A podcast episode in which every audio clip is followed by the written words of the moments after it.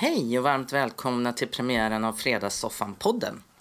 Fredagssoffan är ett koncept hos oss på Handelskammaren där vi bjuder in intressanta näringslivsprofiler från det sydsvenska näringslivet till ett intimt samtal i vår soffa. Tanken med samtalet är att dela olika erfarenheter och framgångskoncept som kan ge inspiration till positiva förändringar hos våra medlemsföretag. Tillsammans gör vi varandra bättre. Jag heter Katarina Björnsdotter och arbetar som regionchef på Handelskammaren. Det är jag som modererar våra gäster i soffan. Varför kanske ni undrar? Ge mig en mikrofon och jag släpper den aldrig. Största utmaningen för mig i soffan är att få gästen att slappna av och bjuda på sig själv. Vilka är då Handelskammaren i Sydsverige? Handelskammaren är en privat näringslivsorganisation med cirka 2500 medlemsföretag. Företagen är allt från enmansbolag till företag med flera tusen anställda. Handelskammaren jobbar utifrån tre olika inriktningar. Lobbying, det vill säga påverka politiker att fatta beslut så att vi får bättre infrastruktur, att vi får en bredare kompetensförsörjningsbas och att vi jobbar mycket med integration och migration och får till det på ett bra sätt.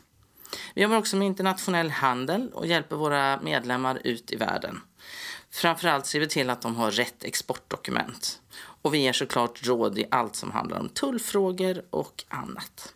Sen har vi den stora biten, nätverkande.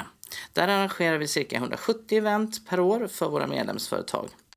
Och där delar man erfarenheter och kunskaper med varandra och gör varandra mer kompetenta. I alla de här mötena så skapas dessutom en hel del nya affärsrelationer. Är företaget medlem hos oss så är även alla anställda det. Idag är det alltså premiär för Fredagssoffan-podden. Och premiärgäst är ingen mindre än Ray Mauritsson, något av en doldis i Sydsvenskt Näringsliv. Ray är koncernchef och VD för Axis Communications i Lund. Axis Communication är marknadsledande inom nätverkskameror och har sitt huvudkontor i just Lund. Idag har man 3 250 anställda på 50 olika platser runt om i världen. Ray har varit VD där sedan 2003 men varit anställd sedan 95. Idag ska vi få lyssna på hans resa inom Axis. Vilka utmaningar har han och bolaget stött på under de här åren? Hur är det att ha utländska ägare? Hur ställer han sig till att vi alla blir mer övervakade och filmade? Och vilka framtidsplaner har bolaget och han själv? Podden kommer att vara liveinspelad vilket innebär att ni kommer att få höra hela samtalet precis som det. Nu kör vi!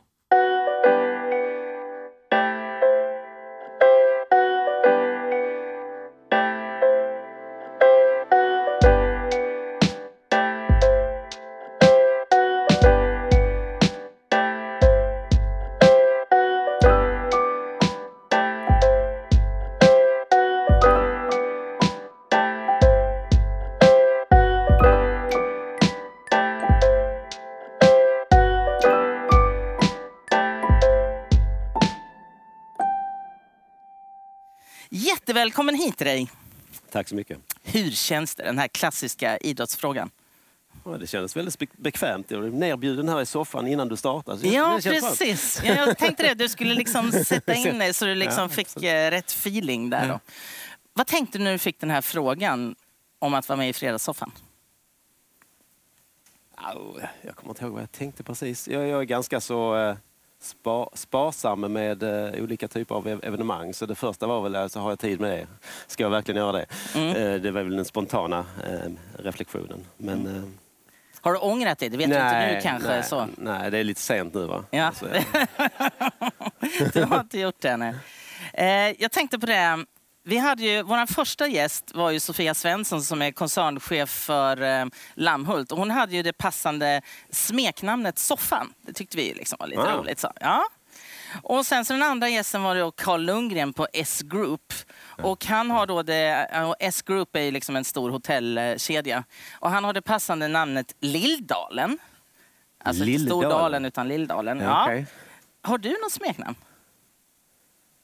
Eh, nej. Eller det har man inte när man heter Ray liksom.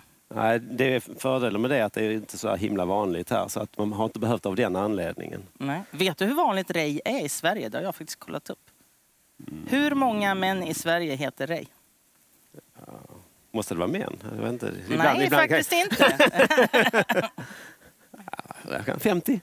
Nej, 554 faktiskt. Men det är 190, 196 har det som tilltalsnamn. Och det finns, som, precis som du sa, det finns 40 kvinnor som heter Ray. varav fem har det som tilltalsnamn. Vad betyder Ray då? Det är väl någon slags eh, Roy, alltså kung, kung eller något sånt där, tror jag. Va? Ja, det betyder näring på arabiska. Jaha. Ja. ja. jag tyckte det lät bättre med kung. och, betyder, och sen så betyder det stråle ju på engelska, X-ray och så. Ja, det gör det. Vad tror du dina föräldrar, vad fick de inspiration till det namnet? För det är ju som du säger mm, ganska Jag ovanligt. tror att de var, eller jag vet att de var unga på 50-talet och Amerika inspirerade. Så det var säkert en musiker eller något sånt som hette så, mm. jag tror. Mm. Du är ju lite av en, ehm, jag skulle vilja påstå i alla fall, jag, vet inte, jag tror det är därför det är så många här också, att du är lite av en doldis i sydsvenskt näringsliv.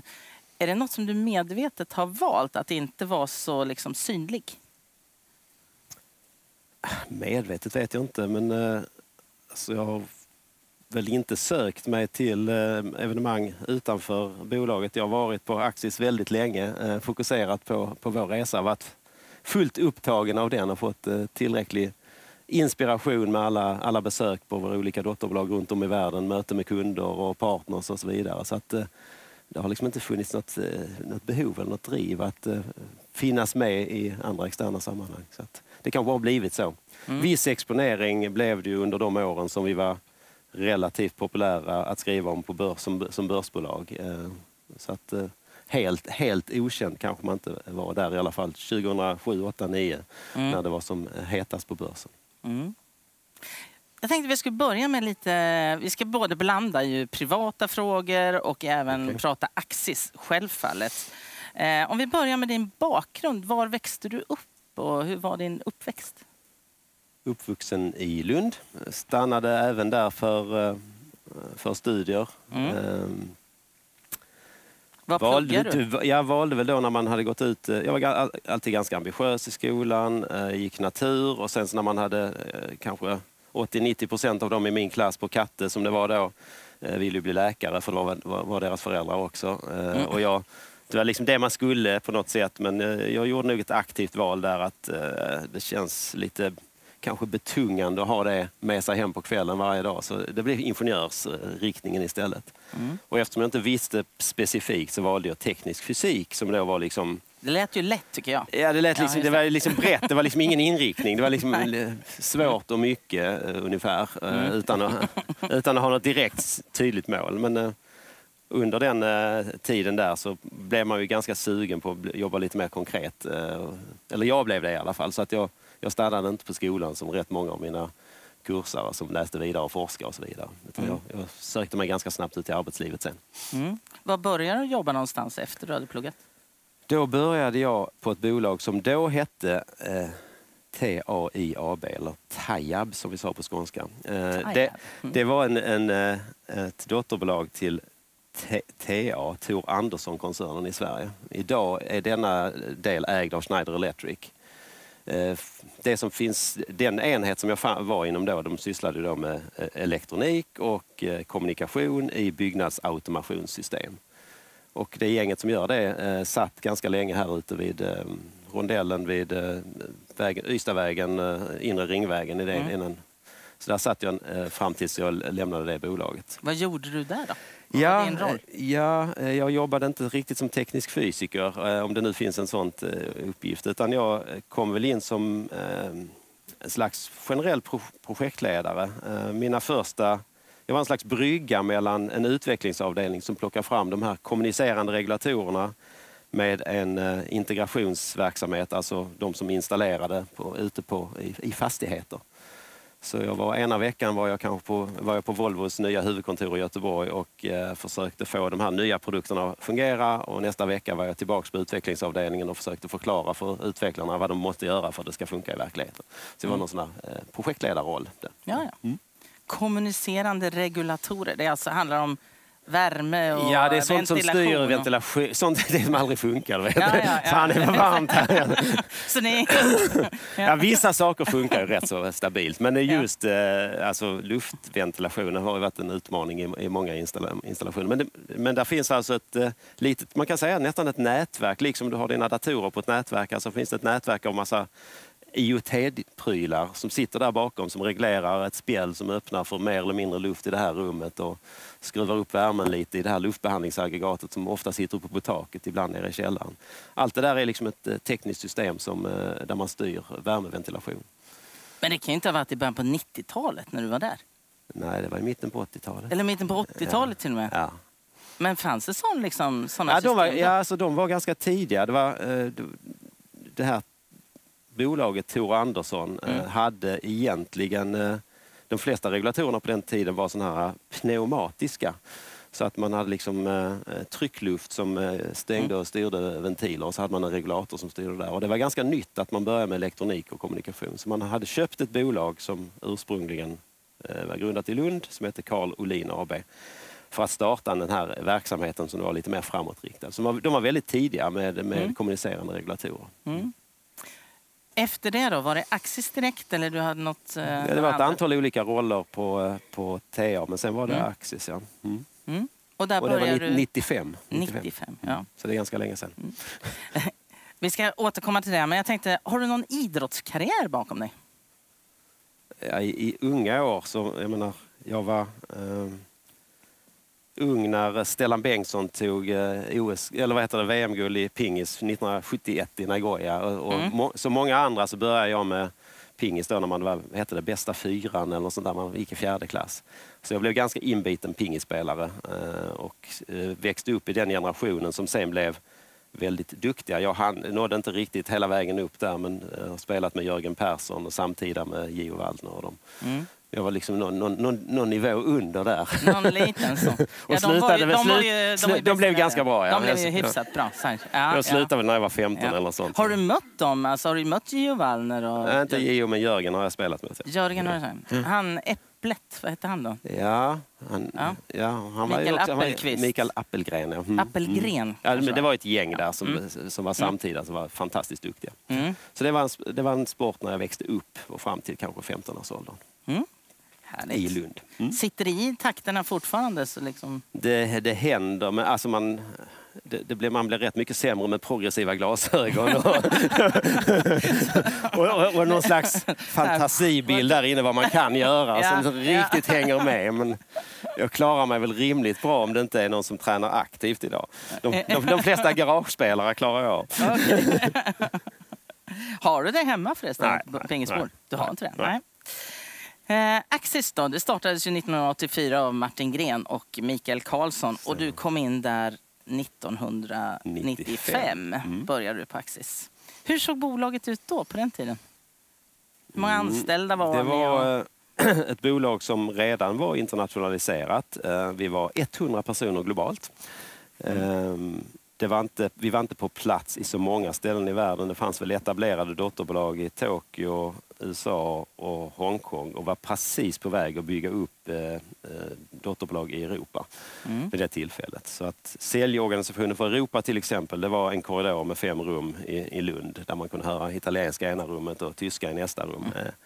Eh, eh ganska eh, intim känsla, en liksom familjekänsla i bolaget. En väldigt eh, väldigt stark eh, driv och optimism. Men jag brukar säga att det var en can-do atmosphere. Eh, ingenting var liksom omöjligt, men man kastade sig på alla möjliga eh, initiativ. Det var också en tid eh, i mitten på 90-talet där Axis hade börjat söka efter nya områden. Det man startade bolaget på, på en gång, eller kring den tekniken man startade bolaget på eh, på 80-talet började ju i någon mening mogna och man kunde se någon slags slut på den eh, tillväxtresan man hade haft med den produkten. Så det var ett väldigt, en sökande fas där man experimenterade mycket. Mm. För de som inte, eventuellt inte känner till Axis, kan mm. du bara kort beskriva vad det är ni gör? Och vad ni... Mm. Det man hade gjort då innan jag kom, mm. Eh, och det var starten, det var det mm. Mikael och Martin startade när de var icke färdigbakade eh, från universitetet 1984 Eh, det var att ansluta skrivare till nätverk, kan man säga, väldigt förenklat. Eh, det var mycket stordatormiljö, IBM-miljöer och man gjorde det billigt att, eller möjligt att använda billiga skrivare i den här eh, dyra IBM-miljön. Mm. Lite förenklat var det så. Det, det växte man med fram till mitten på 90-talet, ja faktiskt en liten bit till, anslutning av skrivare till nätverk. Men man insåg ju då att Eh, Eh, det blir ju ganska snart en standardfunktion i en skrivare att den går att ansluta till nätverket. Så på mitten på 90-talet så kan man säga att Axis hade det som är väldigt, väldigt hett idag, en väldigt tydlig IoT-agenda. Man försökte ansluta prylar till nätverket och man försökte verkligen med mm. allt möjligt. Kan du ge några exempel på andra prylar man försökte? Ja, kanske inte så, så, så revolutionerande idag, men som jag jobbade med när jag kom in, där var anslutning av lagringsmedia till nätverket. Det var sånt som kallas för Network Attached Storage idag. Det var mm. anslutning av CD-drivar till nätverket. Men det, det var från den typen av IT-prylar till att vi faktiskt också anslöt japanska kylskåp till nätverk. Och, eh, hade, och det här var mitten av 90-talet? Ja, alltså. slutet på 90-talet. Och iPad-liknande devices när man skulle kolla om mjölken var slut i och sånt. Det, det var lite tokigt men det, det var verkligen nätverka vad som helst, eller mm. allting. Mm. Och idag, om du skulle beskriva, hur ser er eh, produktflora ut och ert tjänsteupplägg?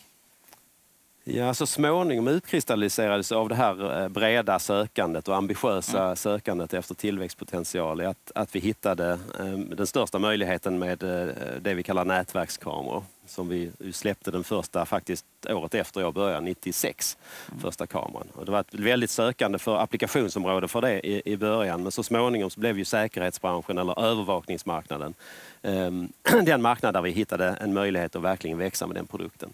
Och det har varit vår tillväxtmotor i väldigt många år, är fortfarande det. Mm. Men det teknologiskifte som vi då initierade eh, kan man väl säga att eh, hade vi lyckats med någonstans 2012-13 och då börjar vi se att vi behöver titta, titta på mer tillväxtpotential för framtiden. Och så sen dess, säg 2013, så har vi börjat titta bortom kamerorna och mm. försöker hitta möjligheter att lägga till mer värde. Och det är allt från mjukvara och tjänster men också andra fysiska produkter som typiskt kunder som köper våra kameror också är intresserade av. Som till exempel? Och ett väldigt enkelt exempel. Detaljhandel är en, en, en, viktig kundgrupp för oss. De köper kameror för de behöver det för att det försvinner så mycket prylar i butikerna så de måste ha ökad säkerhet. Och, mm. Men de vill också ha eh, möjlighet att göra utrop eller eh, spela bakgrundsmusik. Så nätverksanslutna högtalare är ett område idag som vi har börjat lägga till till vårt erbjudande. Det finns en del andra områden också. Mm. Ni har ju idag 3250, cirka 3250 mm. anställda och på 50 platser i hela världen. Mm. Och det är liksom från när du började då 100 och så till det här. Hur har liksom den eh, förändringen sett ut när det gäller företagskultur och, och de bitarna? Ja, man kan, vi hade 2000, eh, vi hade en ganska tuff period då i det här sökandet efter eh, eller man ska, börja, man ska kanske börja från början egentligen. Alltså, redan när jag kom till Axis, mm. eh, mitten på 90-talet, så var det väldigt mycket fokus på, på värderingar eh, och företagskultur. Och det fanns sen starten egentligen nedskrivet av Mikael och Martin att så här ska vi vara mot varandra, så här ska det fungera på Axis. Eh, ett, ett, antal ord, ett antal stentavlor som man kallade dem på de, den tiden. Um, Vad stod det på de här stentavlorna? ja, när, jag, liksom... när jag började i mitten på 90-talet ja. så, så stod det till exempel uh, Never satisfied, uh, det stod uh, Always open, det stod, ja, den typen av ja. mm. liksom begrepp. Som, mm. Mycket handlade om att man skulle vara, det skulle finnas en öppenhet, det skulle finnas samarbete och man skulle ha höga ambitioner. Det var den Never satisfied. Det var inte mm. ha inte kul utan det var verkligen sikta högt. Sikta. Um, så olika varianter av det. Sen så hade vi en väldigt tuff period, eh, sent 90-tal, ja, när IT-bubblan sprack väsentligen. När vi hade alla de här initiativen på, på gång. Eh, och det var väl en ganska tillknycklad organisation som inte hade växt så mycket. Det hade varit en del uppsägningsrundor. Så i 2004-2005 eh, när vi började se att eh, kameraaffären kunde verkligen växa till sig så satte vi på plats ett, eh, ett strategiskt mål, en tillväxtplan som vi kallade för 5 gånger 5 eh, Vi skulle ha, ha fem gånger högre omsättning på fem år, så det är rimligt ambitiöst. Då. Det känns ju väldigt ambitiöst. Så det stämde ju då med Never Satisfied kan man säga. För då, Hur just... många har det tillväxtmålet? Fem gånger? Med... Alltså vi hade det, vi har inte ja. riktigt nej, det. Nej, nej, det handlade ju också om att vi vi var i starten på teknologiskifte i en bransch och vi mm. kände att vi var väldigt välpositionerade och vi hade också, kände också ett starkt behov av, efter många år av en ganska svag utveckling och uppsägningsprogram så behövde vi liksom gjuta någon slags energi och mod i organisationen att våga satsa. Så det är liksom bakgrunden till det. Men i samband med det så, så såg vi också att, eller vi visste, kände att de här värderingarna som vi har vid det tillfället hade vi tyvärr lite posters som var lite färgglada på väggarna med också värderingar som hade liksom som hade gått igenom då under krisåren strax innan börsintroduktionen mm. år 2000 mm. eh, med lite externa konsulter. Så hade liksom meningen eller innehållet i våra core values urvattnats lite av processen. För att eh, vi var vana vid att eh, värderingarna var satt väldigt tydligt i organisationen och de hade blivit lite som alla andra, att, en, en poster på väggen. Och man började nästan raljera och, och, och skämta om de här eh, värderingarna. Vi hade till exempel, när jag började, så var det en värdering som hette Make it happen. Så var den här, låt oss, ja, kom igång, gör, gör mm. det. Och i den här perioden när det inte gick så bra på Axis så, och, och, man frågade, konsulterna frågade organisationen så tyckte folk att Nej, men det är för mycket hej och hå här. Så då ändrade de den till Make it work. Och då, när, det då, när, det blev, när det blev lite uppsägningar och sånt så, så, så började man säga make it worse. Så, ja. liksom. så det, då, det var liksom bara en signal, signal på att nja, de där värderingarna kanske inte vi kan... Vi kanske har värderingar men vi är i alla fall inte duktiga på att kommunicera dem och använda dem. Nej. Så i samband med det här 5 gånger 5 som då var fantastiskt ambitiöst så gjorde vi också ett, ett ganska genomgripande arbete internt där vi frågade organisationen egentligen två frågor. Och vid det tillfället var vi 350 personer. Mm. Eh, hur, hur, beskriver du Axis värderingar idag? Eh, vad behöver vi lägga vad behöver vi för att klara 5 gånger 5 Det var bara de två mm. frågorna. Så gjorde vi, diskuterade vi väldigt mycket internt och så landade vi i, så småningom, vi landade i många eh, så, såklart beskrivningar men vi kondenserade ner det till tre stycken eh, begrepp eh, som vi sen har använt sedan dess som, som beskrivande kulturen. Och två av dem eh, fick vi med oss eh, väldigt tydligt som fanns, eh, det kom fram direkt. Det var öp öppenheten, samarbete och Always Open Act as One använder vi där. Mm.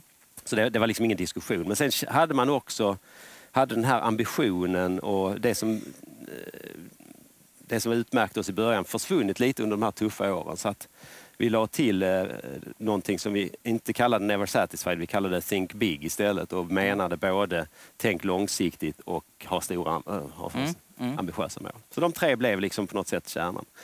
Sen eh, sa vi ju samtidigt att ja, det här är ju bra, liksom. det här känns ju jättefint och det, vi är ju en liten grupp så det, vi, vi, vi, har ju starka värderingar här tillsammans. Men de kommer vi ju tyvärr att behöva, de lär ju försvinna när vi ska bli fem gånger större. Liksom det, vi nä, nästan lite uppgivna var vi, mm. men eh, samtidigt för, ville vi försöka att eh, upprätthålla, upprätthålla värderingarna. Så vi la rätt mycket kraft på att eh, bygga in det i våra eh, ja, PU-samtal, i våra rekryteringsprocesser. Och vi hade också satt på plats ganska tidigt ett onboarding eller ett introduktionsprogram för nyanställda som, blev, som är ganska mycket fokuserat på att diskutera värderingar. Så att än idag, eh, när vi anställer 500 medarbetare om året, så träffar jag alla nyanställda eh, en förmiddag. Så en gång i månaden har jag liksom en grupp på 50 personer där man diskuterar, så man flyger hit alla nyanställda i världen mm. med jämna mellanrum i sådana mm. grupper. Och en stor punkt där handlar om att, att prata om värderingar. Så jag känner väl idag att vi har tack vare rekryteringsprocessen där vi har involverat, inte lagt ut det, utan eh, cheferna är väldigt involverade och en farfarsprincip som, som innebär att eh, chefens chef har en möjlighet att säga nej, inte säga ja, men säga nej av, av kulturskäl i rekryteringsprocessen. Så har vi lyckats behålla eh, rätt så mycket av det som var de starka värderingarna genom åren. Så så har det utvecklats. Lång, långt Lång, svar. Ja, men det är ändå jätteintressant för det är ju det som... Ja. Men du sa det här, hur gör ni? Alltså ni anställde 500 om året, sa du det? Ja, ungefär. Ungefär så. Mm. hur många tappar ni per år? Ja, det är lite olika i olika delar av organisationen men jag tror att vi har en personalomsättning på 5% ungefär. Mm. Så vilket är sådär, inte, inte, mm. inte superlågt men inte högt heller. Mm. Ganska så normallågt mm. skulle jag tro om man benchmarkar.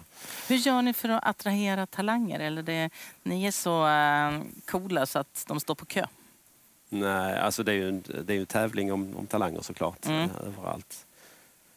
Vi gör väl som alla andra, försöker bli så attraktiva som möjligt. Jag menar, vi tittar man här hemma i Sverige så eh, gör vi ju allt ifrån att väldigt tidigt försöka påverka eh, unga elever att välja teknikinriktning på ut, utbildning och även att få fler, fler tjejer med, eh, med i den inriktningen med olika initiativ som Pink Programming och så vidare. Så det, vi försöker börja redan där, men sen är vi mm. såklart väldigt orienterade kring Tekniska högskolan i Lund och, och andra eh, högskolor eh, med att rekrytera både examensarbetare och vara med på deras jobbmässor och direkt eh, anställa från dem. Men vi har typiskt anställt mycket här i Sverige från via examensarbete, ska man säga. Mm. För då får man en bra möjlighet att testa varandra så att säga. Mm. När jag var och hälsade på dig då på huvudkontoret i Lund så slogs jag ju av att det var ju killar, killar, killar, killar och så var det några få tjejer då. Eh, mm. Och jag vet, vi pratade om det du och jag, just att säkerhetsbranschen, vilka är det som jobbar inom säkerhetsbranschen? Jo, det är avdankade poliser, höll jag Nej, men det är poliser och det är eh, militärer och det är klart, det blir mycket män. Men så berättar du, för vi har ju våran hundralista här på Handelskammaren ja. där vi försöker jobba med jämställda styrelser. Mm. Och, eh, så vi brinner ju väldigt mycket för den här frågan ju såklart. Mm. Eh, och då berättade du om ett initiativ ni har tagit för att just öka jämställdheten i säkerhetsbranschen mm. som jag tyckte var spännande. Ja, alltså vi har ju utmaningen både generellt sett i säkerhetsbranschen och sen eh, om man tittar på ur, rekryteringsbasen för oss. Många i Lund är ju ingenjörer. Mm. Och det är väl så att av de du såg där så såg du då 75 procent, för du såg alla killarna. Det är ungefär 25 procent tjejer. Det, spe och det, spe det, speglar i princip hur det ser ut på tekniskt i Lund faktiskt. Så ja. för att ändra den sammansättningen så måste vi förändra uh, på den nivån mm. så att säga. Mm. Sen om man tittar bredare i säkerhetsbranschen så är det också så att uh, det är dominerat av, av män överallt i, i världen, eller på många ställen i världen ska jag säga. Eh, och där har vi ett initiativ som eh, faktiskt har fått lite ringar på vattnet i branschen och eh, som vi kallar för Women in Security.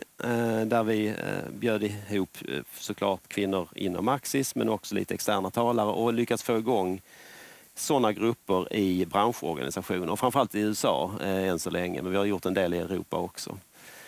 Tittar man i vår egen organisation ute i världen, om man lämnar Lund, eh, det är trots allt 1100 medarbetare som inte är, Lund, så är vi ju väsentligt mer jämna eh, fördelade. Och mm. allra bäst är vi faktiskt borta i Asien där det är 50-50. Mm. Så att, eh, ja, det, det skiljer sig rätt mycket mm. ute i världen. Men, men i Västeuropa och USA är säkerhetsbranschen väldigt mansdominerad än så länge. Mm. Jag tänkte, du är ju liksom, du är boss över 3250 medarbetare. Mm, vi är några stycken som är bossar. Ja, precis. Men du är ja. bossarnas boss i alla fall. Mm. Eh, capi di tutti capi, eller vad säger man? ja. eh, och du har varit det sedan 2003. När du, eh, liksom, under din karriär, har du liksom haft en ambition och en, en dröm om att faktiskt bli ledare? Att vara en ledare? Nej, egentligen, jag, liksom, nej, jag har aldrig haft någon karriärplan överhuvudtaget eh, egentligen. Ehm, det har väl, jag var ganska naturligt för mig i alla, alla, alla, typ, alla sammanhang. Allt från pingisklubben en gång i tiden eller vad jag nu sysslar med. Att jag, eh, jag har gillat att eh, förstå helheter. Jag har varit lite, lite ambitiös kanske så ofta liksom försökt att komma, komma vidare med gruppen mm. så att säga. Mm. Alltså, I den meningen så har jag kanske alltid sökt mig till uppgifter eller roller eller jag har hamnat i roller där jag har varit med och tagit ansvar på något sätt. Men jag har aldrig, nej, jag har aldrig haft någon, eh, någon, någon, plan på vad jag, skulle, vad jag skulle bli när jag blev stor så att säga. Utan jag, jag har inte sökt något jobb faktiskt, mer än det första. Okay. Eh, och jag var ärligt talat då 2003 när jag insåg att de kom och frågade mig om jag ville ta vd-rollen på Axis mm. så var jag inte sådär hej och hå glad för det. Jag tror till och med jag sa där hemma, usch jag tror de kommer att fråga mig, jag tror inte jag vill. Vad var det som gjorde att du kände ett motstånd? Ja, men det var den här lite liksom ny, inte... nyfikenheten. Alltså jag, jag gillar förändring och jag gillar, jag, jag gillar som jag sa, jag gillar mm. liksom att ha helhetsförståelse och så, och så mm. vidare.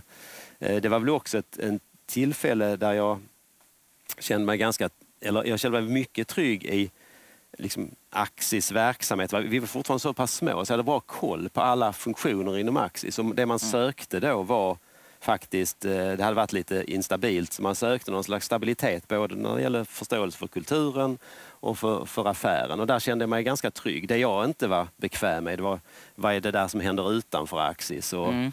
Eh, finansmarknaden och vad ställer det för krav? Vad är, det, vad är det för förväntningar på mig i den här rollen som jag inte riktigt eh, har förståelse för? Det var väl lite så här, eh, är jag säker på att jag vill det där? Mm, mm. Är, är det något som lockar mig? Mm det som vi skulle göra på Axis, där var jag ganska så liksom, säker på att jag vill ändra detta och jag vill mm. skruva mm. på den här knappen. Mm. Så, mm. så där var jag väl Vad hade du för roll innan, precis innan vd-skapet? Mm, ja, då var jag och hade sedan några år varit ansvarig för en del av Axis eh, affär. Axis idag säljer bara eh, Axis-brandade produkter under vårt eget varumärke. Men under eh, hela 80, 90 och en bit in på 2000-talet så hade vi också en OEM-affär där vi paketerade vår teknologi till tredje part som byggde in det i sina produkter för att åstadkomma nätverksanslutning.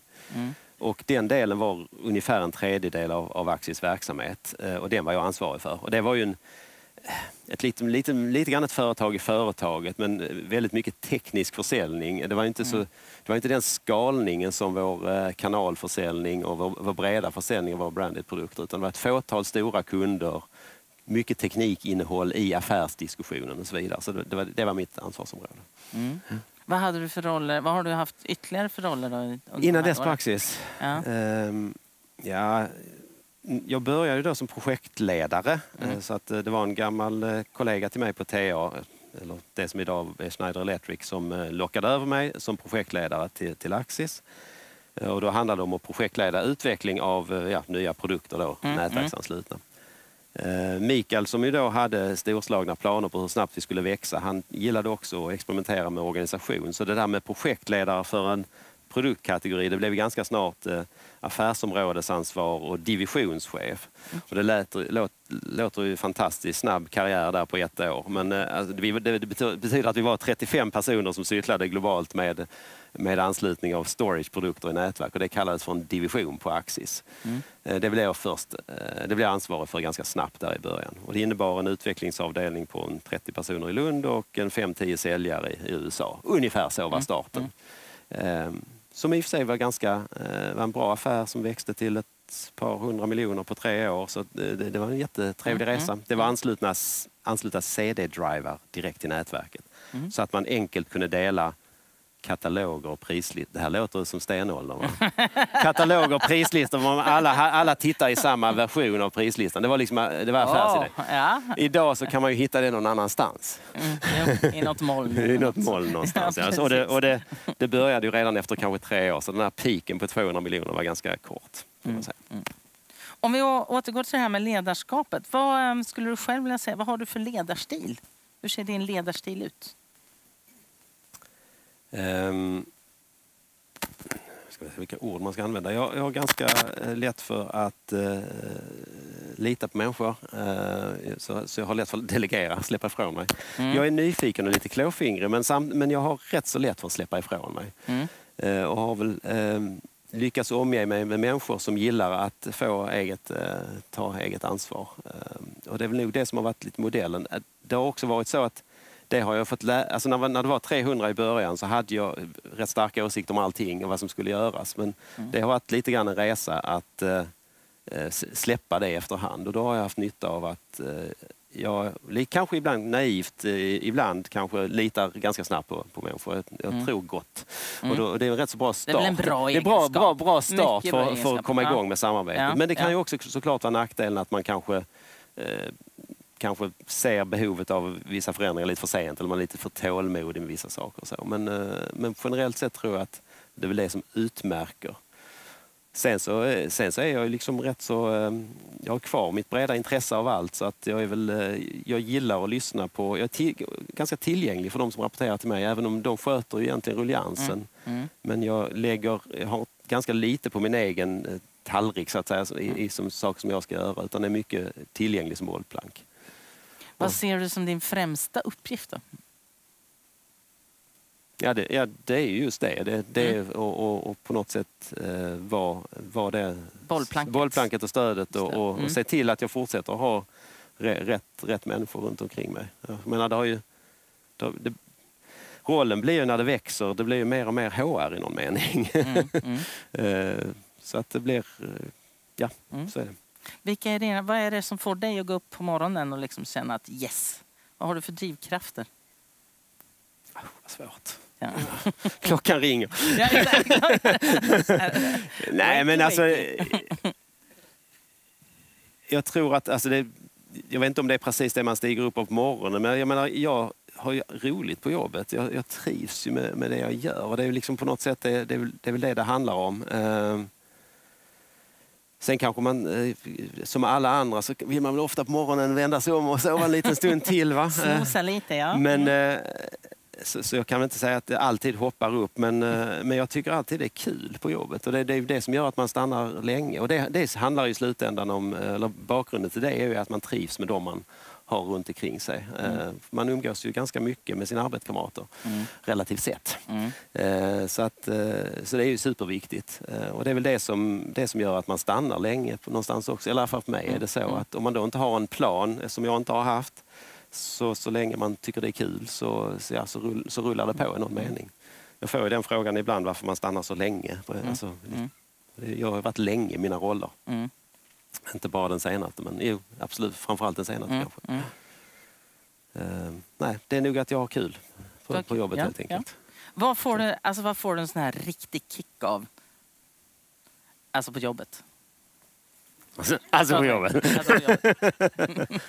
Ja, du kan ta privat också. Vi kan börja med, vi kan börja med jobbet. Vad liksom blir du så här, woho! Är du Så någon det- gång så? Ja, jag är väl, alltså det är det som, jag tror inte...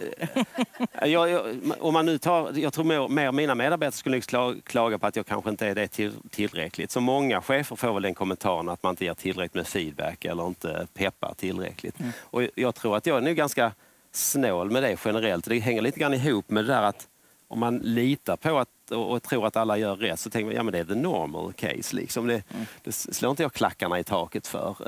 Eh, Det kanske du borde göra Ja, lite oftare. absolut. Nej, men, Ja. eh, abs- absolut. eh, absolut. Ehm, jag menar, man, man, är, man blir ju... Man blir ju glad när man vinner en affär såklart. Man blir glad när ett projekt är färdigt. Och, och, och jag menar, det, är, det är de många små sakerna. Jag kan, jag kan inte peka på en enda stor. Nej. Eh, Jag får jättemycket energi av de här eh, mötena med de, med de nyanställda som, som inte är en presentation av mig utan som är en dialog och en, och en diskussion kring, kring värderingarna. Det, det är alltid energigivande. Så det här... eh, Ja, en, en, jag tror de här, eh, de här... eh, Jag gillar att spåna också. Jag gillar de här diskussionerna om eh, vad vi skulle kunna göra. Mm. Jag måste mer och mer eh, påminna min omgivning om att jag inte har bestämt att vi ska göra det utan jag säger nu, nu tänker jag högt. Alltså, för jag gillar verkligen det här att, att Mm, eh, mm. tänka scenariomässigt och, och så vidare. Det kan jag få energi av eh, när jag gör det med de medarbetare som liksom, är bra att studsa, Mm, studsa idéer med. Men det kan, ibland kan det vara en utmaning också i rollen, ju större organisationen blir också, för att man förväntas ju veta. Om man lunchar med någon eh, Mm. så, så, så är det inte helt ovanligt att man säger ja men Ray sa att. Eh, och, och så, Nej men jag tänkte bara högt. så jag spekulerade lite. Så, så jag, jag tror att där, om man ska söka efter det, så där, det här liksom, eh, brainstormandet gillar jag Mm. Mm. i, i det diskussioner. 2015 så köpte ju Canon er för 23,6 miljarder. Det är ju en rätt så imponerande summa får man säga. Eh, vad tror du det var de såg hos er som gjorde att ni var så intressanta? Ja, det, det, det, det, uppen, det uppenbara var ju att eh, de hade ju en egen verksamhet med ambitionen att eh, växa in i den marknaden som vi var med Mm. nätverkskameror för övervakningsändamål.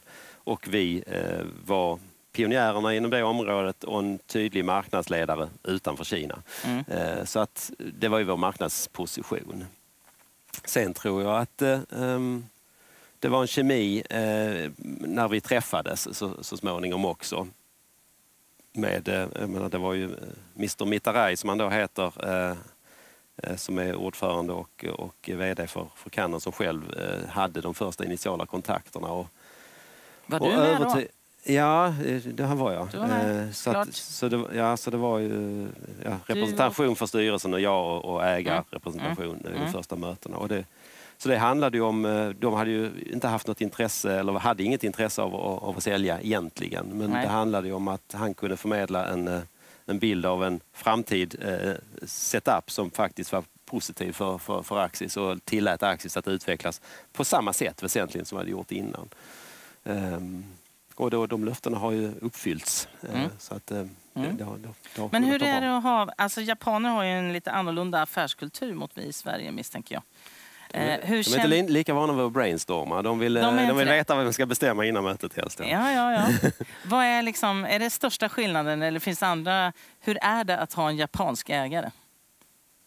Nej, Men det är inte så... eh, Alltså på övergripande nivå är det inte alls så konstigt. För jag, vi har ju haft, även om vi har varit ett börsbolag ett lyckosamt börsbolag, så har vi inte varit så kvartalsekonomistyrda. Vi har haft tydliga och stora huvudägare i alla år som har varit långsiktiga. Mm. Eh, och det är liksom det här med stora ambitioner och långsiktighet. För oss hänger de väldigt starkt ihop. Och det står japanerna också för. Inte bara Canon utan det är, det är liksom typiskt japanskt att tänka långsiktigt. Eh, så att där finns en, eh, en grundinställning som är väldigt lik. Eh, Sen är det ju massor med eh, små kulturella, kulturella eh, skillnader. eh, Som kan, Kan du nämna något som, är så här, som du känner gnager ibland? Alltså, man kan ju vara lite otålig ibland. Som, alltså de är mer, långs, mer eftertänksamma, ännu mer långsiktiga än vad vi är. Så att det tar lite längre tid om man, om man har, vill föra fram någon, någon idé och så vidare. Och just det här ehm, Ehm, just det här öppna eh, spånandet kring frågor, att, att det man säger tas på så stort allvar kan ibland vara lite problematiskt. Eh, jag hade något vi har något bolag som Canon också äger som är, som är danskt. Så jag hade något möte med eh, mina danska kollegor där och, och japanska kollegor och, och jag själv som var med där. Och så hade vi en liten eh, sån här avslutning på diskussionen som man ju ofta ska ha, att man är en check-out. Liksom. Hur har nu det här mötet varit? Där vi hade lite kulturdiskussioner. Och då framgick det ju att eh, eh, japanska kollegorna tyckte att, det, alltså, att vi, de, var, de tyckte det var ett dåligt möte och de, och de ifrågasatte varför varför eh, alltså mina, de danska kollegorna då och jag eh, faktiskt argumenterade med varandra i mötet och inte, inte tyckte samma. Och då, då menar de, när vi grävde lite i den, att och jag hade sagt tvärtom, jag tyckte det var ett jättebra möte. De var öppna och delade med sig av sina synpunkter och så vidare. Och då visade det sig att japaner har ett begrepp som heter nemawashi. Eh, Och jag, washi, för mig det, jag kommer ihåg det med att man ska tvätta frågan innan. Alltså man, det ska vara fär- färdigförankrat. Liksom. När man väl är på mötet så, så gäller ingen får ju tappa ansiktet där. Så då är det bäst att man är överens innan om vad, vad man ska komma överens om. så att säga. Och där, där är, men nu när man väl pratar om det, nu, nu kan man ju skoja om det. Ja, så att säga. Så det, att då säger man att nu är det inte nemawashi gjort här. Liksom, utan, och så, så man ju, men man får ju liksom verkligen ta tag i det, liksom, vara uppmärksammade. De måste ju vara chockade över danska, för danskar de är ju verkligen, kan ju vara rätt högljudda också på möten. Ja. Det är ju inte Jag vi tror de kan bli svenskar. chock, ja, men relativt kan de bli chockade av oss också med att vi är direkta. Och, alltså, Ja, ja. Att vi är ärliga och säger vad vi tycker och tänker. ja, Mm. Och även tar upp problem kanske. ja. Mm. Eh, ni utsågs ju av Veckans Affärer 2010 till årets börsbolag och sen så eh, lämnade ni börsen 2018. Mm. Vad var bakgrunden till det och beslutet till det? Ja, det är ju, hänger ju helt och hållet ihop med förvärvet från Canon. Canons ambition 2015 när de la budet var att köpa 100 procent. Mm. Eh, Men så eh, i budprocessen så köpte ju en aktivistfond eh, in sig på 10, eh, någonting procent. Mm. Så de Mm. blockerade ju från Canon att Mm. förvärva alla aktierna. Och det som hände 2018 eh, på hösten, alltså drygt ett år sedan, så då kom Canon och den här hedgefonden eh, Överens överens Mm. eh, så att säga till slut. Och, eh, därefter är det en så kallad tvångsinlösensprocess som pågår. Men i och med det att Canon fick då 99, komma någonting procent så, eh, så var det, fanns det ingen anledning att vara noterad Nej, eftersom precis. planen var att tvångsinlösa. Mm. Men hur har din vardag förändrats tack vare det här? Att ni inte finns på börsen längre? Ja, 20 procent av tiden som inte läggs på eh, Investor Relations-relaterade jobb. Så att den tiden kan ju läggas på att prata med kunder. Eh, Mm. kanske lite grann om samma sak egentligen, om varför de ska jobba, varför de ska tro på oss och bygga förtroende kring bolaget. Men, eh, men det handlar ju mer om affären då så att mm. säga. Mm. Ehm, så det har väl varit mest positivt. Det var ganska kul, även om jag var lite tveksam som jag sa i början till den rollen så, eh, så var det ganska kul under de åren eh, med börsen också. Kanske framförallt för att det gick så fantastiskt bra för oss. Ja, att, eh, det var liksom det är lite tradigare om det, är lite tradigare Precis, om det, det, var, liksom det, det var ju lätt. Det var ju mm. lätt liksom, och mm. Den enda utmaningen var ju att det gick ju bara bra vartannat kvartal för att förväntningarna åkte hela tiden upp. Ja, så vartannat ja, var ju toppen och vartannat var i botten ungefär. Men la man ihop det så blev det trots allt ganska bra. Mm. Nu ska vi prata om något som är ganska hett, eh, väldigt mycket på tapeten och eh, kanske lite jobbig diskussion, eh, mm. nämligen övervakningssamhället. Mm. Där ju era kameror eh, är en del av det kan man säga. Kanske. Ja, det mm, kan ja. man säga. Vi sysslar med övervakning, absolut. Ja, precis. Rent, eh, alltså, hur ser det, alltså för det pratas ju mycket om nu det här med ansiktsigenkänning, social scoring i Kina och att vi liksom, ja vi filmas och är övervakade mm. hela tiden. Hur, alltså hur är ditt och Axis förhållningssätt till just det här? Mm. Alltså man, man, kan börja med, med kameran, vi kan komma tillbaka till ansiktsigenkänning. Men mm. alltså, först innan man pratar om övervakningssamhället så måste man ju fundera på applikationen eller syftet mm. med eh, produkten, syftet med övervakningen. Och det handlar ju eh, oftast om att man ska antingen lösa eller förhindra brott. Mm. Och det är de flesta ganska överens om att vi vill gärna både helst förhindra men vi vill också lösa brott när de väl har hänt. Och det, det är det som är liksom grundsyftet. Mm. Eh, och för att göra det så behöver man ju liksom på något sätt kunna veta vad som hände. Eller då behöver man det här mm. inspelade mm. materialet. Eh, den här debatten om eh, storebror ser dig eller, eh, och så vidare, den har ju varit ganska intensiv för ett antal år sedan när det gäller kamerorna som sådana. Mm. Eh, men jag känner väl ändå att under de åren som jag har varit i den här rollen så har de frågorna mer eller mindre försvunnit innan jag blir intervjuad eller i olika sammanhang. Alltså själva kameran som en potentiellt integritetskränkande pryl. För att man har vi har mognat i hur vi ser på det så att säga. Vi inser att det, det, det, är användningen av det här kameramaterialet som potentiellt kan vara, så det är det vi ska fokusera vår diskussion på. Hur, vem har tillgång till det, på vilket sätt får man använda det och så vidare. Och det gäller ju framför, framförallt inte bara övervakningskameror. Det gäller ju din mobiltelefon mm. och vad du gör med mm. den på Facebook och så vidare, och så vidare också. Mm. Mm. Så att vi har ju gått från att eh, kamerorna eh, var liksom symbolen för eh, Övervakning. övervakningssamhället mm. i någon slags negativ, negativ mm. mm. bemärkelse till att det har blivit en slags balans eller förståelse för det, upplever jag det som. Mm. Och det så säger om jag gör undersökningar också när jag använder opinionen. Men nu kommer ju nästa eh, område där att diskutera. Det är ju, om man nu lägger till en funktion som, vi, låt oss ta face, face recognition eller mm. ansiktsigenkänning som en sådan. Nu, nu har ju inte nu har det blivit en symbol för eh, någonting som är integritetskränkande. Och mm. inte minst är det beroende på att det finns en del applikationer som många av oss nog känner ganska eh, tydligt att ja, men det, det är integritetskränkande att sätta ett system på plats där man som en stat eh, följer människor och sätter social scoring som sen ska avgöra huruvida man ska få jobb eller resa utomlands eller vad det nu är för någonting. Mm. De, de historier vi, vi, vi får se i reportage eh, från, från Kina. Eh, framförallt är det ju integritetskränkande om man inte litar på den som, som sköter det här scoring-systemet. Mm. Men det handlar som, som, sagt om vad man gör med mm. materialet. Mm. Och, och, men men det, har, det har inneburit eh, alltså debatten kring ansiktsigenkänning har inneburit att man har fokuserat kring frågan, liksom man gjorde med kameror i början, är, ansiktsigenkänning är något dåligt. Eh, om jag tittar på eh, de som använder våra kameror i, idag eh, utan ansiktsigenkänning, vad gör de med videomaterialet? Mm.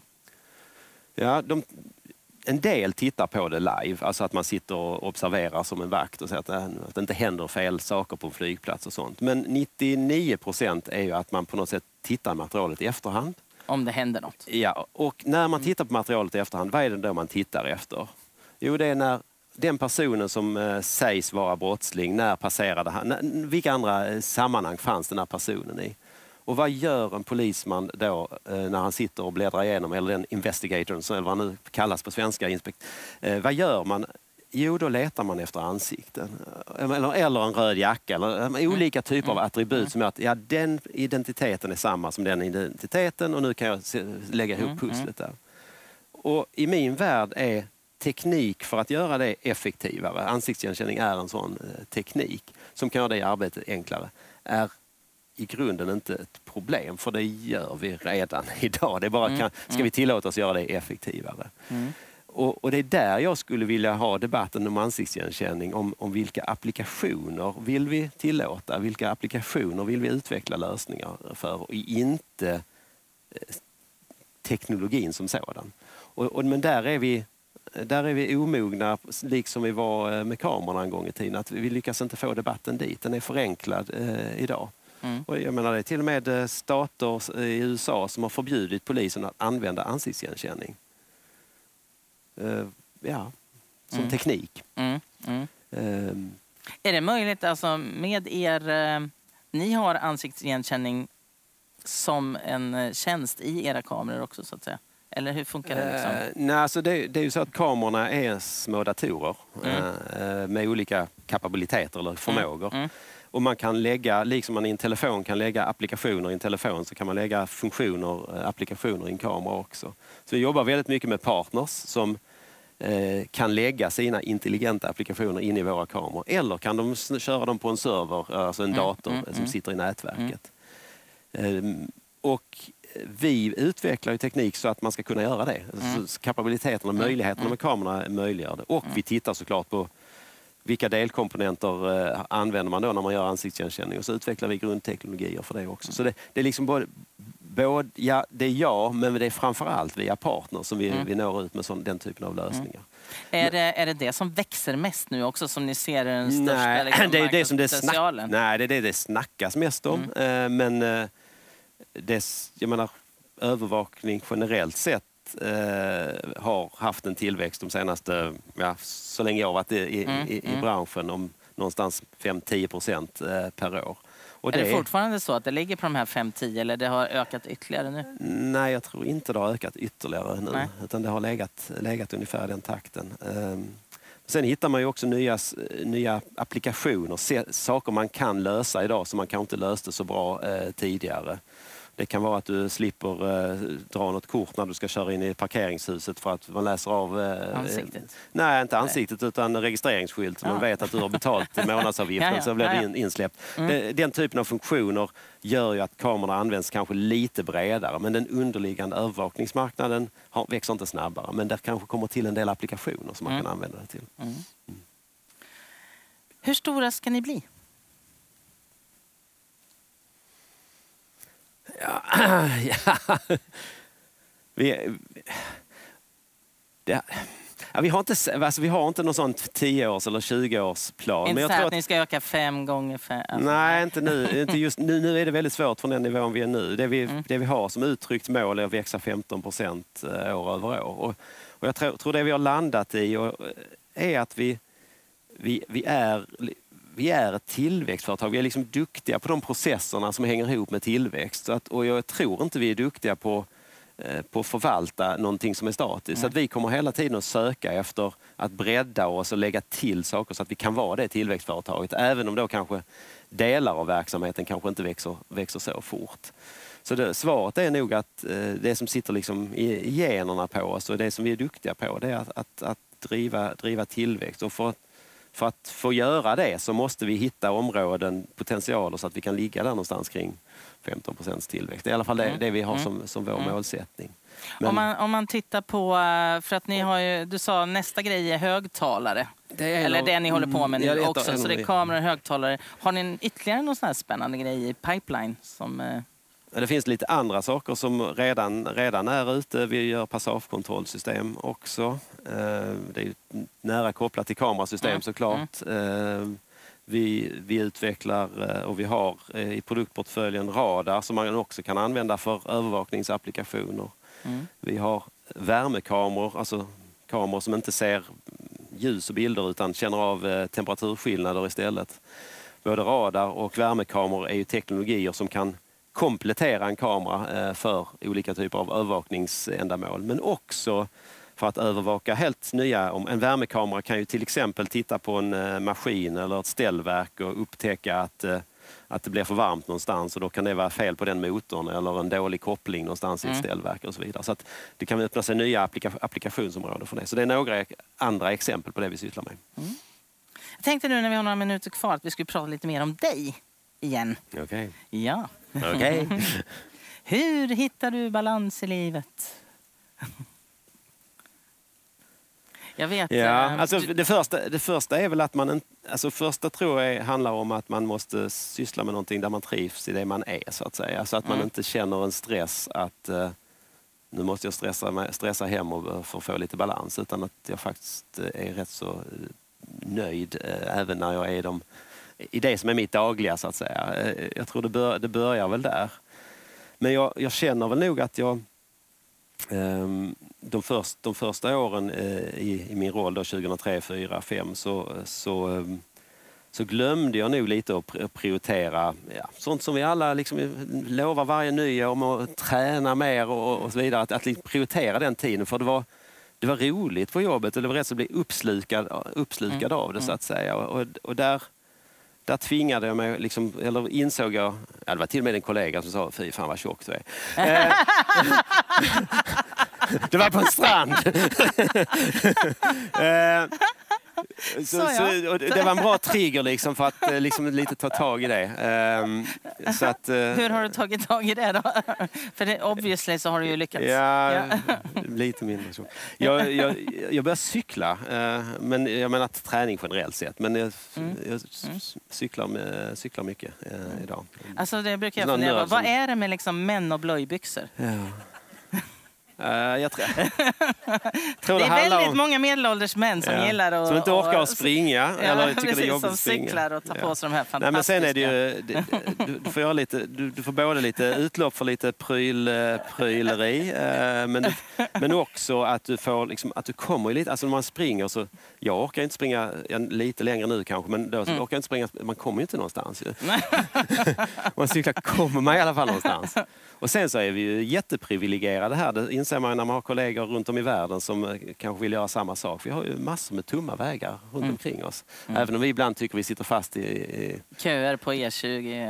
eh, ja, E20, men, eh, och men här är det E6. helt Mm. fantastiskt. Jag har ju lärt mig massa små byar eh, här i Var hela... brukar du cykla? Ja, på alla håll. Eh, Ut från Malmö egentligen och, och på Österlen och eh, runt Vättern och på Mallorca. Ja, det är vad jag, jag får chansen. Vilka, vad trivs du bäst? Var är det finaste att cykla? Alltså Mallorca är fan, fan, fantastisk och, Mm. och cykla. Det har blivit oerhört populärt också. Så man har, har gjort kanske 10-12 år i rad liksom, åkt dit och intensitet eller antalet cyklister har ökat enormt. Alltså. Mm. Så man har nästan byggt en ny, en ny turistindustri kring, kring Kring det. cykling. Så det är inte så unikt precis men eh, ja, det har funkat för mig. Ja. Du har två vuxna döttrar också. Jag har tre vuxna döttrar. Mm. Har du tre vuxna Ja, döttrar till och med? Ja. Vad har de? Har de valt eh, samma spår som pappa eller? Nej. Nej. Nej, jag har, de inte, jag har inte haft planer för dem heller så jag har inte Nej. styrt dem så mycket. Eh, De Nej, har väl fått, bra. de har, eh, nej, men det går, går, går lite olika vägar. Eh, De är utspridda. eh, Så att, eller 29, 26 och 21. Mm. Eh, Jag gör lite olika saker. De två, två äldsta har redan barn så jag har tre barnbarn också. Vilket Ja. också är en helt ny Ja. fas i Mm. livet. Hinner du med dem? Barnbarnen? Ja, tycker jag. Mm. Ja, ja, ja. Det kan man alltid göra mer men absolut. Vilken sorts eh, morfar är du? Är du den som liksom är med och gör bomben i bassängen och åker rutschkana? Jag har ingen bassäng, men jag, bomben i hamnen i Vita Mölla där jag har sommarhus. Ja. Alltså de är ganska små. Men jag, jag, jag, alltså jag, jag, på något sätt får jag en sån här äh, återupplevelse. Det känns inte som det var så länge som man hade små barn själv. Jag är en sån som kryper runt på golvet och tycker det är jätteroligt att skoja med dem. Eh, Mm.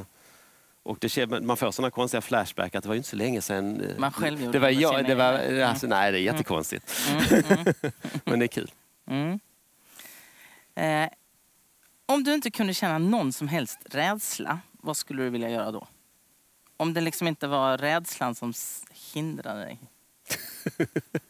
Om du skulle gå helt wild and crazy? Operera, eh, byta linser så att jag slapp ha dem. Alltså där, det vågar jag inte. Nej, Alltså i ögonen. Nej, men det, Det skulle du egentligen Jag vilja? egentligen fast- skulle vilja slänga dem, ja. Ja, ja, ja, ja. okej. Jättebra. Om eh, en sak som du skulle vilja sluta göra?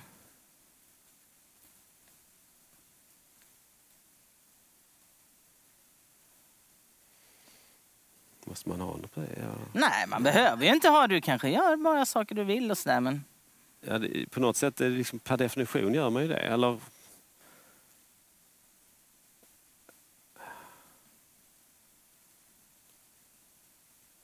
Ja, det, blir, det blir krystat tror jag. Jag kommer inte på något sådär snabbt. Det där med ögat kommer jag på direkt faktiskt. Ja, det, ja. ja, jag, jag, ja. En sak du skulle vilja börja göra då, som du inte gör? Ja, men det, det är ju nog, det, som vi var inne på det innan, med, du sa ju till och med till mig, du borde kanske eh, säga hej och hå lite oftare och feedback. ja, men det, är- det, är nog det att, att man, eh, att man ins, inser vikten av det, även om man eh, både förvänt, hade förväntat sig det, att, att man liksom uppmärksammar goda Mm. resultat. Det är positiv feedback. Men det kanske även eh, både positiv och neg- negativ egentligen. Det är bättre, mer, bättre på feedback. Och så allra sista frågan då. Om du skulle få låna ett karaktärsdrag under ett dygn som du inte själv har, vad skulle det vara? Alltså, vet du vad Carl Lundgren svarade? Ja, nej, men det kan, ja. Han sa han, han skulle vilja vara elak ett dygn. För han var aldrig elak, det skulle han vilja prova. Det, det var inte något tips till dig, men eh, alltså... för det lät ju lite... Men jag känner inte någon större Nej. lust att vara elak faktiskt. Jag tycker, det är Nej. rätt, jag tycker det är rätt bra om man är snäll. Ja. Ehm, nej, men ibland kanske man... eh, ibland kanske man kan vara lite avundsjuk på och, och kanske förvänta sig att det är väldigt värdefullt det här att ha liksom ett långsiktigt mål på något sätt. Ehm, det är lite, lite så som jag sa innan att jag liksom lite go with the flow och tycker jag Mm. trivs i nuet och så tar eh, lite grann ett steg i taget och tycker det är helt, rätt så okej. Jag är rätt så det, det kanske hade varit spännande att se om man hade kunnat tänka ut någonting då. Och så, som man liksom verkligen skulle sikta på. Det, det, jag har få exempel på där jag har liksom satt mig för något sånt där på lite, lite, lite längre sikt. Mer än möjligtvis den där tjockheten som skulle tas bort. Okej, stort tack till dig Ray för att du kom hit idag. tack, tack. Eh, och som tack för att du ställde upp här i fredagssoffan så vi har börjat jobba med ett projekt som heter Solvatten. Det är en fantastisk uppfinning av, vad heter hon nu, Petra Wadström som 2015 fick eh, årets teknikerpris av Sydsvenska handelskammaren. Och det här eh, eh, solvatten då, då häller man i smutsigt vatten i en dunk och så lägger man ut det i solen och så blir det rent vatten som man kan dricka. Helt fantastiskt. Simsalabim. Simsalabim. Och eh, som ni ser här, vi har ju massa fina tavlor och det är Malmö universitet, ett gäng eh, studenter där som har illustrerat Agenda 2030-målen utifrån eh, olika kända konstverk. Ni kan läsa om det där på väggen också. Och det här ska då vara biologisk mångfald som det här symboliserar. Och det tycker vi passar bra. Så stort Wow. tack Rej för idag. Tack så jättemycket. Tack, tack. Wow. Och tack allihop för att ni kom. Tack så mycket. Tack, tack. Du släppte inte ifrån dig micken en enda gång. Nej, jag släppte ju inte micken idag igen. Alltså, jag hoppas att... eh, Ja. Du stannar kvar här lite som någon, Ja, eh, kan kanske en liten stund. Ja. Så är det någon som har några frågor så får ni gärna ställa det. Och så hoppas jag vi ses på nästa fredagssoffa. Som vi inte vet riktigt när och vem, men det visar sig.